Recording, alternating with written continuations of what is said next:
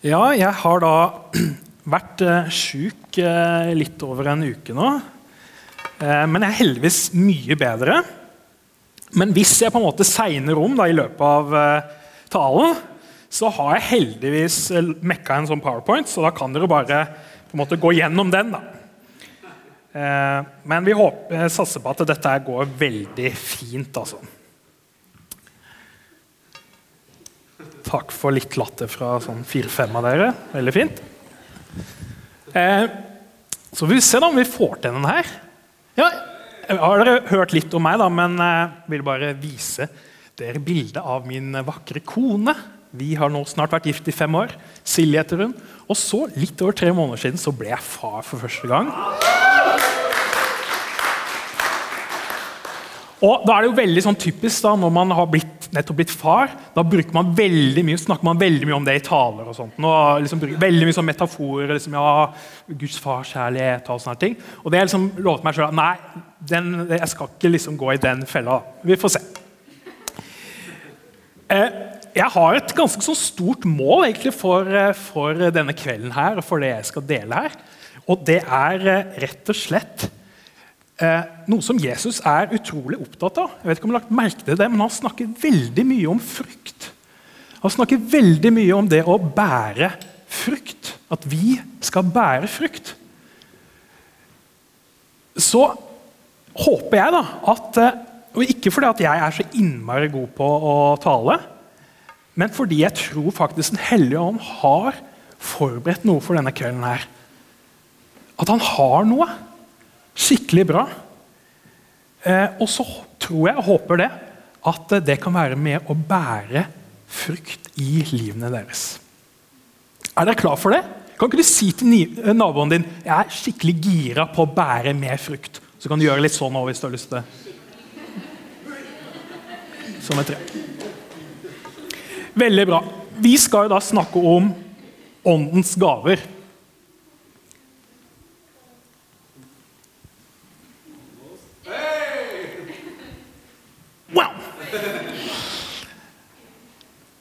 Og Det er et veldig spennende tema.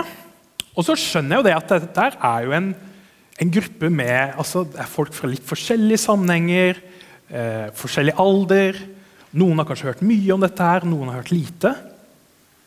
Men det er et veldig viktig og spennende tema. Og det jeg egentlig skal fokusere en del på, det er eh, egentlig hvordan kan vi eh, vokse generelt i livet vårt som en etterfølger av Jesus. Noen nøkler for det. Og så skal det konkretiseres i, i, ånds, i forhold til åndens gaver. Men dette kan på en måte eh, tilegnes eller gjøres i, i, alle områder av livet i forhold til det å følge Jesus. Jeg har lyst til å dele en liten historie hvor jeg opplevde å få bruke eh, noen av åndens gaver. Jeg var på Impuls. Er det noen som har vært på Impuls? Eh, ikke så veldig mange. Nei, men det er i hvert fall en, en ungdomskonferanse, ungdomsfestival. Eh, og dette var i Stavanger. Og eh, Vi var der en liten gjeng og promoterte DTS. Og så På den DTS-standen så hadde vi to sånne plakater. Den ene hvor det sto Har du lyst til å høre eller vite hva Gud syns om deg? Og på den andre så sto det har du en skade eller sykdom? Vi tror at Jesus helbreder. Har du lyst til å bli bedt for? Og så var det bare en sånn fantastisk atmosfære av Den hellige ånd og hans nærvær. Og vi hadde, det var liksom, Folk sto nærmest i kø for å respondere til de to plakatene der. Og så fikk jeg eh, lov til å bl.a. be for en, en, en, ung mann som, som drev og eh, halta rundt der, hadde skikkelig vondt og hadde nettopp skada beinet sitt ganske kraftig. Og Så fikk jeg lov til å legge hendene på beina hans og be for ham, helt enkelt. Og helt momentant så ble han helbreda. Så kunne han eh, gå rundt, løpe rundt. Han var jo sånn eh, typisk sørlending som eh, ja, eh, litt sånn eh, Prater ikke så store ord. da, så var det liksom sånn, Jeg spurte hvordan det, hvordan det var, bra, hvordan det var liksom, så var det sånn Ja, det, det er greit. Ja, men er det liksom blitt helt bra? Ja, ja, ja. Det er greit. Ja, men han, han ble helbreda, så det var skikkelig kult. Og så fikk vi eh, vi fikk be for mange, og bl.a. ei jente eh, hvor jeg og og vennen min, kollegaen min Kristin vi ba for henne. Og så opplevde vi at vi fikk noen ord fra Gud til denne jenta. Og så hadde vi hver vår Post-It-lapp, så skrev det ned. Og så delte vi det til henne. Og så opplevde hun at det virkelig talte inn i livet hennes. og virkelig var en til oppmuntring for henne. Og så tok hun de to Post-It-lappene, holdt de i været, og så sa hun på disse to Post-It-lappene så har dere faktisk eh, liksom sam, Det har vært et liksom sammendrag av de to siste årene av livet mitt. Og Jeg opplevde å få et bibelvers for henne, og det var hennes eh, spesielle favorittbibelvers. Og for meg så var jo det ja, det var en skikkelig kul opplevelse, og jeg tror at eh, vi fikk være til velsignelse for mange der. Men ikke minst så var det skikkelig til velsignelse og oppmuntring for meg også. Og sånn er det å bli brukt av Gud. Det er, det er liksom Det er en så stor velsignelse. Og så spennende. Eh, når det kommer til åndens gaver, så tror jeg vi kan havne litt i den fella at vi på en måte tenker litt om det som, eh, som en brusautomat. Du vet, På en brusautomat så, så putter man på en, eh, en, en, mynt, eller eh, nå tar man selvfølgelig kortet. da. Eh, og, så, og, så, velger man et produkt, og så, så kommer det ut. Og Kanskje kan vi tenke litt sånn i forhold til åndens gaver. At ja, jeg har så lyst til å mm, be for syke og se helbredelse, eller eh, tale profetisk, eller eh, og, så, og så liksom tenker vi at det, ja, da må vi bare liksom øh, Jobbe litt hardere eller bli en bedre kristen eller liksom få ting på plass. På måte, da kan vi få det. Eller hvis vi bare ber nok, så skal det liksom bare Og så tenker vi litt som å liksom putte på en mynt og få et produkt.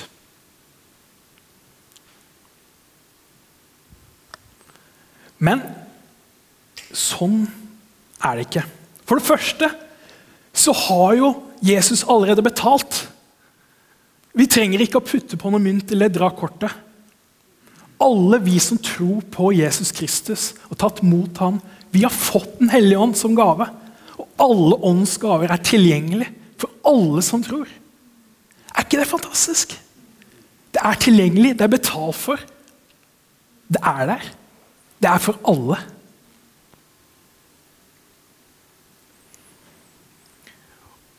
Men hvorfor? Hvorfor er det viktig med åndens gaver? Vi skal lese eh, snart fra 1. Korinterbrev 12. Men litt videre der, i kapittel 14, så skriver Paulus Han, han nevner spesifikt det profetiske, men jeg tenker at det gjelder generelt. Det er til oppbyggelse, til formaning, og det er til trøst. Det er liksom ikke for at vi skal bli liksom sånne superkristne eller å, se på meg, se hva jeg får til. Nei, det handler om andre mennesker. Det handler om at vi kan få være til velsignelse.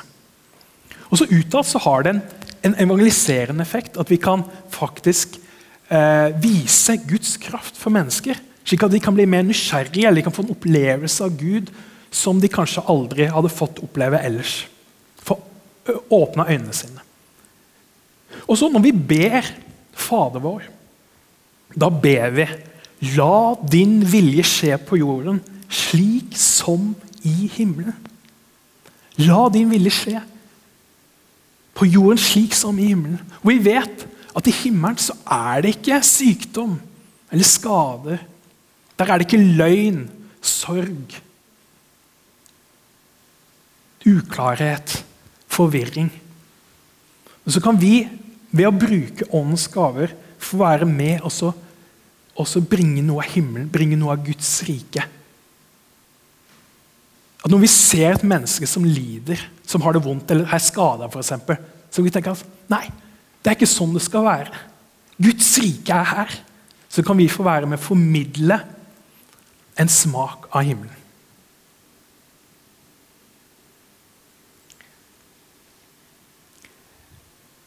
Som sagt så skal vi snart gå inn i en tekst.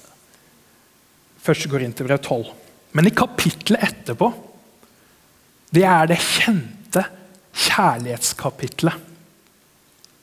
Som ofte blir sitert eh, i et bryllup. Og Der sier Paulus det at eh, ja, vi kan ha alle mulige slags gaver, og vi kan tale profetisk og gjøre alle disse tingene, men hvis det ikke er med kjærlighet, da er vi bare en klingende bjelle. Og litt senere så, så sier han da er vi intet.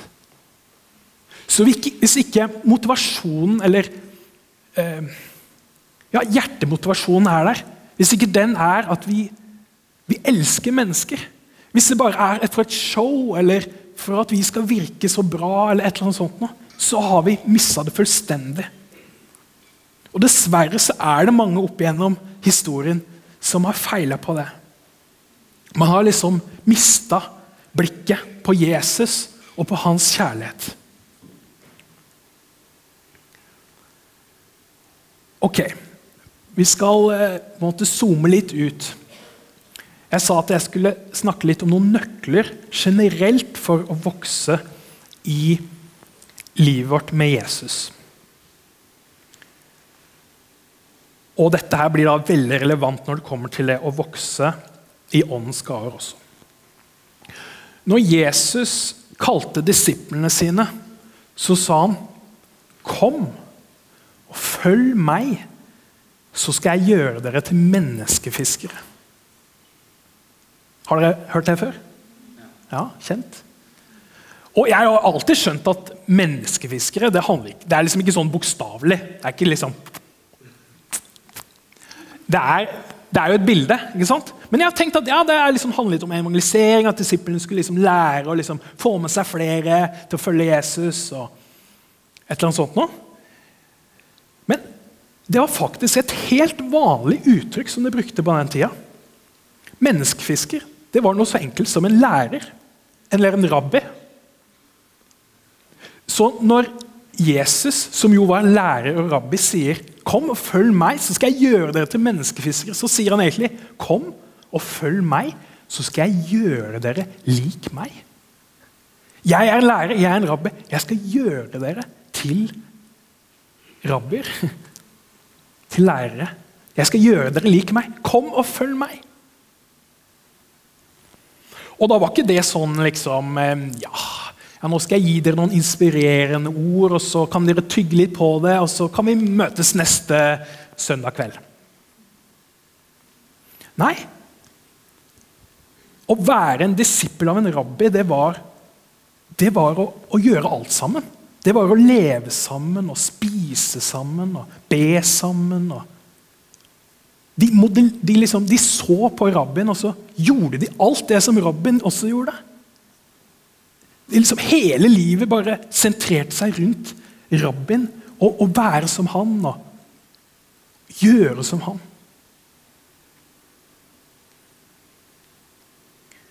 Og det, det er målet til, til Jesus for oss.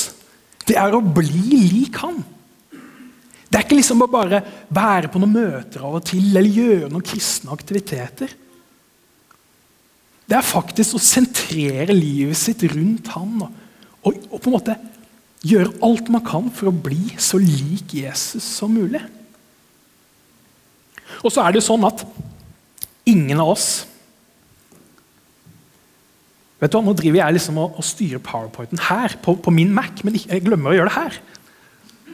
Det er jo ikke sant? Kjærlighet og bjeller og Men det er sånn bra sånn oppsummering. da. Jeg har snakka om kjærlighet og bjeller, og ja, her har vi Jesus og disiplene. og Fantastisk. Å, her har vi gapet. ikke sant? Fordi her er jeg. Det er ingen av oss som er helt lik Jesus. Så det er et gap. Og så er målet for oss å være en disippel av Jesus, det er at det gapet skal bli mindre og mindre. Og det er en livslang reise. Vi skal bli transformert til hans bilde. Så hvordan gjør vi det? Hvordan minsker vi det gapet? Jeg har blitt inspirert av en som heter John Mark Comer, som kanskje noen har hørt om. Og Han snakker om at vi hele tiden blir forma. Og Det er tre ulike måte, hovedkategorier som vi blir formet av. Det ene er metanarrativen. Det er de historiene som vi, vi, tror på. De historiene som vi blir fortalt. Hele tiden så blir vi bombardert sant, av informasjon av, fra, fra media, fra sosiale medier, fra venner, fra lærere. Av, måte, hva er det som er viktig, og, og, hva er det man trenger for å være suksessfull? Og, og på en måte alle disse historiene som verden forteller oss og som, og som påvirker oss alle, fordi vi lever i denne verden. Vi er ikke liksom helt isolert. De fleste av oss jeg regner med, er liksom ikke bare helt alene, men vi blir påvirka av de historiene som vi, vi, hele tiden får. Og så våre vaner. Vi blir påvirka av alt det vi, det vi gjør liksom, hver dag. Liksom de, de, ulike vanene vi har, de former oss. Og så Det tredje er de vi er sammen med. Venner og familie og klassekamerater, kollegaer, de former oss. Vi blir påvirka. Alle sammen blir vi påvirka. Og så snakker han da om at eh, vi på en måte må da ha noen motpoler. Som på en måte gjør at istedenfor at vi blir påvirka av verden og alle de rundt oss, så blir vi påvirka av, av Jesus istedenfor. Så han snakker om at eh, den påvirkningskraften mot metanarrativen, det er undervisning. At vi trenger å ta til oss av Guds ord og hans sannheter. Komme og, og, og høre undervisning sånn som nå.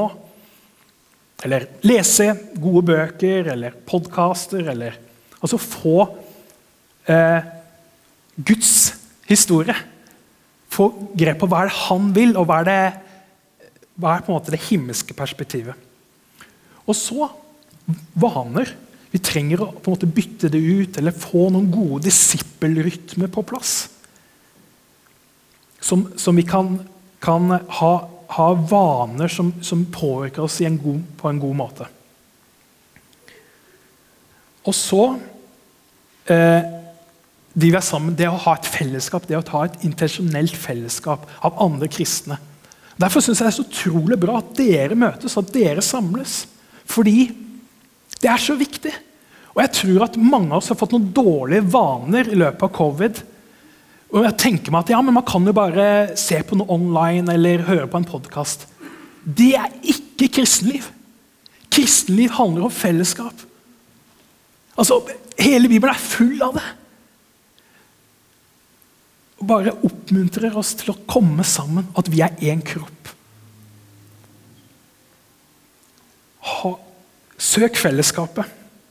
Og så er ikke vi perfekte. og Vi får ikke allting til. og Noen ganger så sårer vi hverandre. Men vi kan oppmuntre hverandre og heie på hverandre og backe hverandre og lære av hverandre. Så dette her er nøkler for all åndelig vekst. Og Jeg skal snakke videre om hvordan det ser ut når det kommer til åndens gaver. Men hva er åndens gaver? De er jo kanskje greit å få litt sånn klarhet i. Så vi skal mm, yeah. Vi skal lese fra 1. Korinterbrev 12. Endelig kommer vi inn i Guds ord.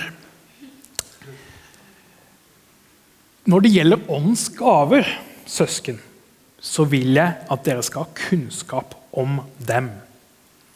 Og så hopper vi bare over de neste linjene der, og så videre på. Det er forskjellige nådegaver, men ånden er den samme. Det er forskjellige tjenester, men Herren er den samme. Det er forskjellige kraftige virkninger, men Gud er den samme. Han som er virksom og gjør alt i alle.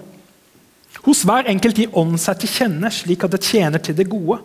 For ved én og samme ånd blir det gitt Én å tale visdom, en annen å formidle kunnskap. Én får ved den ene ånd en spesiell trosgave. En annen får nådegaver til å helbrede. Og én får kraft til å gjøre under. En får den gave å tale profetisk, en annen å bedømme ånder. En får ulike slag av tungetale, en annen kan tyde tungetale. Alt dette gjør den ene og samme ånd som deler ut sine gaver til hver enkelt slik han vil.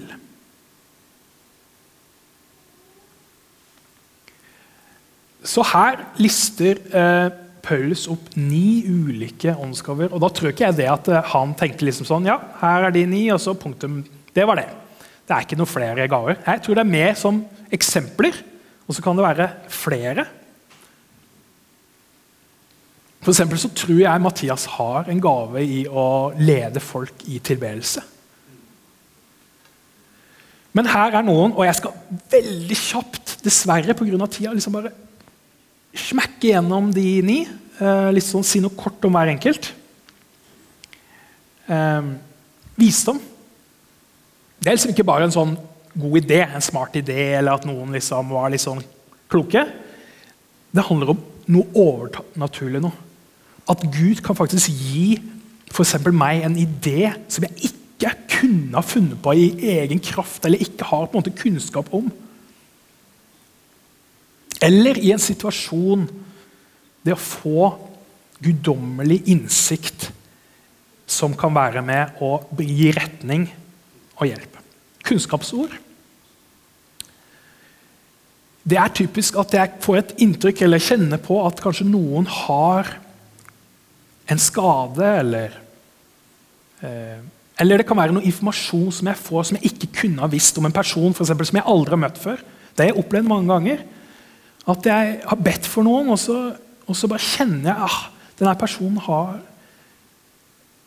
kanskje et, en vanskelig relasjon med faren sin, f.eks. Eller, eller et eller annet informasjon som jeg ikke på noe som helst vis kunne ha visst. Og Ofte så kan det gå sammen med helbredelse. ikke sant? At det gir mulighet for å kunne be for den personen og oppleve at de blir helbreda inn i det området spesiell trosgave. At man får en sånn overnaturlig tro for noe som virker umulig. Som ikke går an, egentlig. Helbredelse det er jo ganske konkret. At man eh, har en gave til å, til å be for noen og oppleve helbredelse. Og så tror jeg eh, at alle disse her gavene her er, er, er tilgjengelige. Jeg tror alle kan be å oppleve at Gud bruker dem og, og se helbredelse. Men så tror jeg kanskje at også, eller jeg vet at Gud på en måte gir noen noen spesielle gaver eller til å virke spesielt i det området. Jeg kjenner f.eks. en som er han er skikkelig profetisk. Han virker skikkelig det. Jeg tror han har fått en spesiell gave i det. Betyr det at, det er, at jeg som ikke kanskje har den spesielle gaven, ikke kan virke profetisk? Nei, det betyr ikke det. Men han har på en måte en spesiell tjeneste innenfor det. Så Det er også i forhold til helbredelse. Vi ser at noen liksom opplever det veldig mye og ser mye helbredelse. Men det er tilgjengelig for alle. Mirakler det er andre typer under. F.eks. når Jesus gjorde eh, eh, metta 5000 med noen brød og noen fisker. Taler profetisk. Man taler om noe som ikke har skjedd ennå. Får innsikt fra Gud til en person eller inn i en situasjon. På en måte En invitasjon fra Gud for noe som kan skje i fremtiden. Det betyr ikke at det er dømt til å skje, men det er på en måte en invitasjon fra Gud. Bedømme ånder. Noen har den evnen at de kan komme inn i et rom eller møte noen mennesker, og så bare kjenner de liksom hva, hva som foregår i det åndelige. I dette rommet eller med mennesker. Det kan være noe negativt nå, kanskje noe som på en måte er over den plassen som man trenger å gjøre noe med. Eller det kan være noe positivt noe. Tungetale. Det kan være perso personlig. Vi, man kan ha det som et bønnespråk, et språk som ikke er et vanlig språk. Så den kan være til hjelp i ens eget bønneliv. Men jeg tror her så tenker Paulus mest på et budskap som han deler, eh, som kan være til oppmuntring for, for eh, gruppa, eller for noen mennesker. Og så er det da noen som kan tyde den på norsk eller eh, på et språk som gruppa kan forstå. Yes, det var kjapt. Men som, som sagt da, så må vi ikke tenke på dette her som noe som vi skal liksom bare pling, og så få. Men det handler rett og slett om et partnerskap med Den hellige ånd. Det er noe som skjer i relasjon med Den hellige ånd.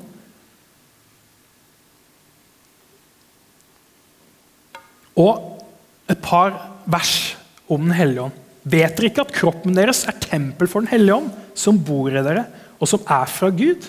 Dere tilhører ikke lenger dere selv. Det er fra første kor 6, 19. Og I Johannes 14, 26 så står det Men talsmannen, Den hellige ånd, som far skal sende i mitt navn, skal lære dere alt og minne dere om alt jeg har sagt dere. Han skal lære oss alt. Det er fantastisk. Men det er et partnerskap med En hellig ånd. Så når man skal vokse ikke sant? I, i kristenlivet generelt, men også i dette med åndens gaver, så, så funker det ikke å bare sitte på, på, i sofaen liksom, og bare, så skal det bare komme. Sånn som med brusen i brusautomaten. Nei, han har faktisk gjort det sånn at han er avhengig av oss for å virke gjennom oss. Sånn at Vårt ansvar da, det er disse tre tingene her. Undervisning og disippelrytmer og fellesskap.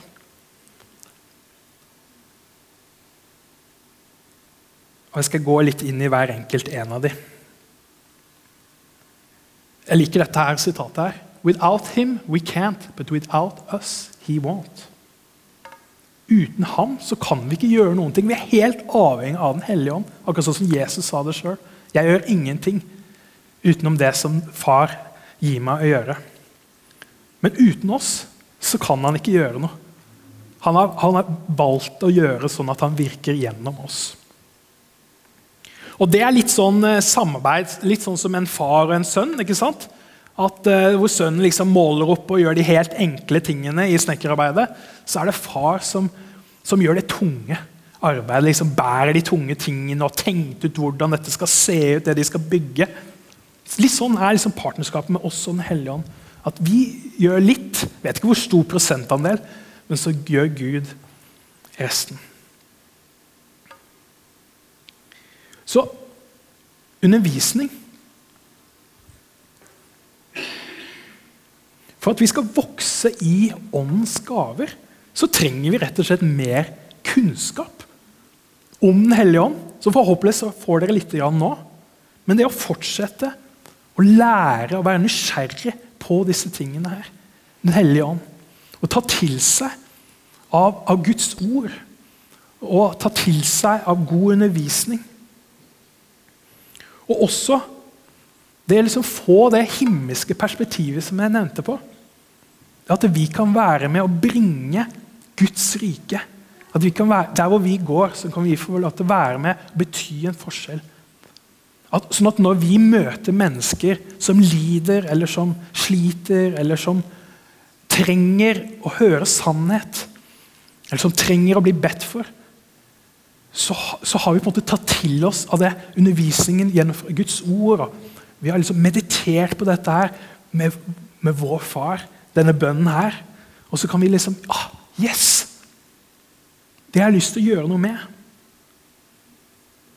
At verdensbildet vårt blir annerledes. At vi får et himmelsk verdensbilde og ikke et jordslig verdensbilde. Som ler av åndens gaver. Som ikke tror på at Gud er allmektig og at han er overnaturlig så er det disippelrytmer. Rett og slett, Hvis vi ønsker å bli brukt av Den hellige ånd, så, så, må vi på en måte skape en plattform hvor han får mulighet til det. Og jeg tror at Det er et veldig stort problem i vårt samfunn det er at vi er så innmari travle. Vi har så mye med jobb og med aktiviteter, og til og med kristne aktiviteter, at på en måte hele timeplanen vår er bare full av ting. Og så stresser vi rundt. Og så har vi ikke tid til å bli kjent med Den hellige ånd. Så har vi ikke tid til å faktisk være lydhør til hva han vil. Så her er bare noen eh, av de rytmene som Jesus levde ut. Sabbat. Han tok, hver uke så hadde han en hviledag. Bønn. Vi leser igjen og igjen hvordan han gikk for seg selv, gikk for seg selv eller med andre og ba. Faste. Skapte mer tid til å være sammen med sin far. Han var alene. Flere ganger leser vi at han trakk seg for seg sjøl. Hvor ofte er du alene?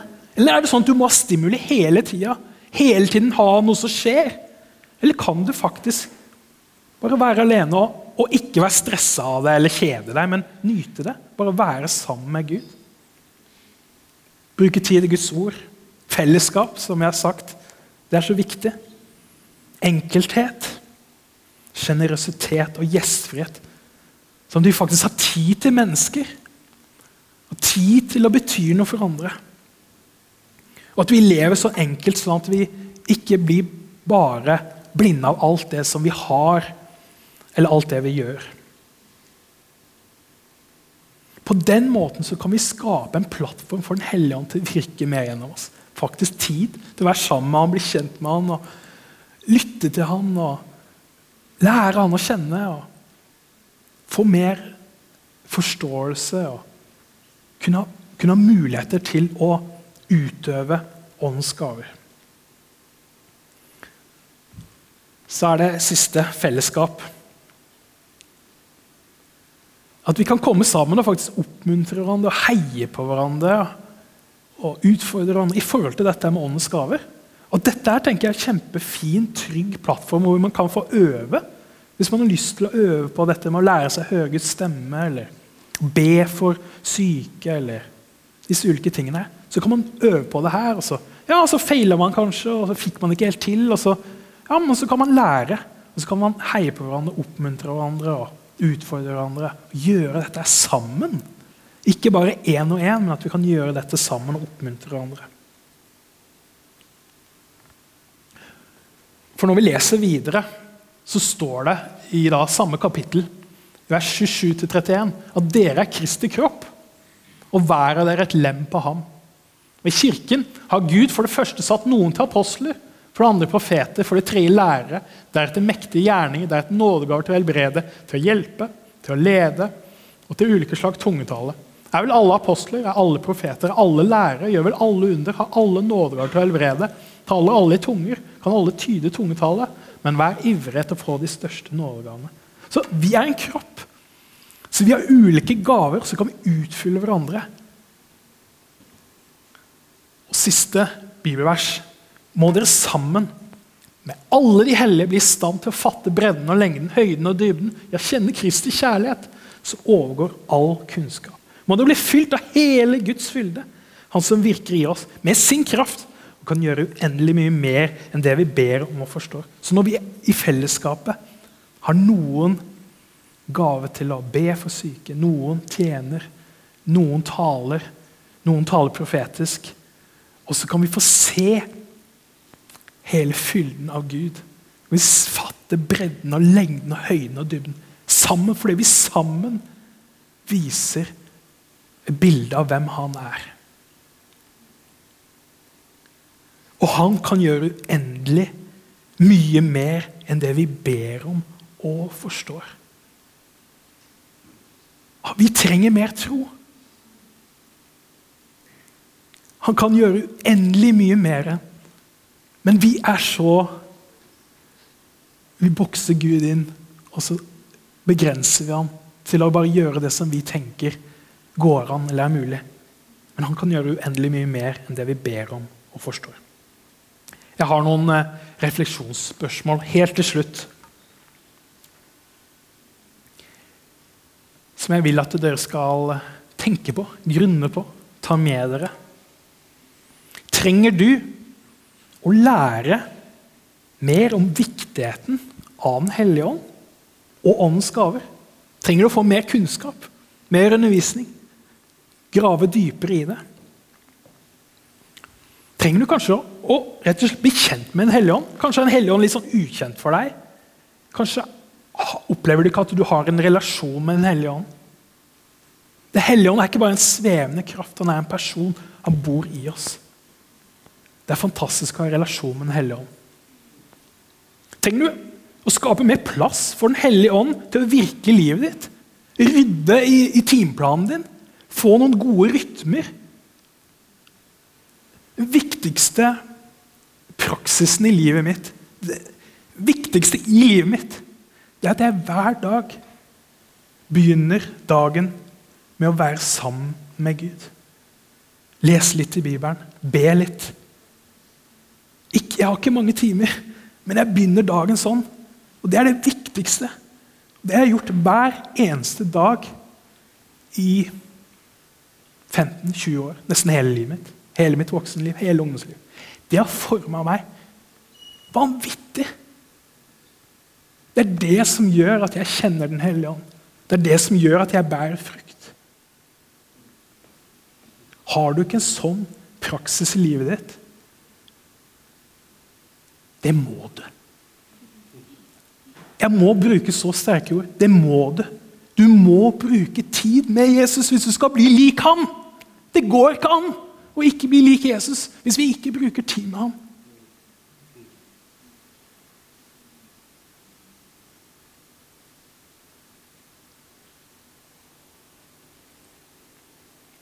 Eller trenger du å i større grad prioritere fellesskapet og sammen med andre kristne utforske og vokse i å bruke åndsgavene? Søke fellesskapet. For det er i fellesskapet vi vokser.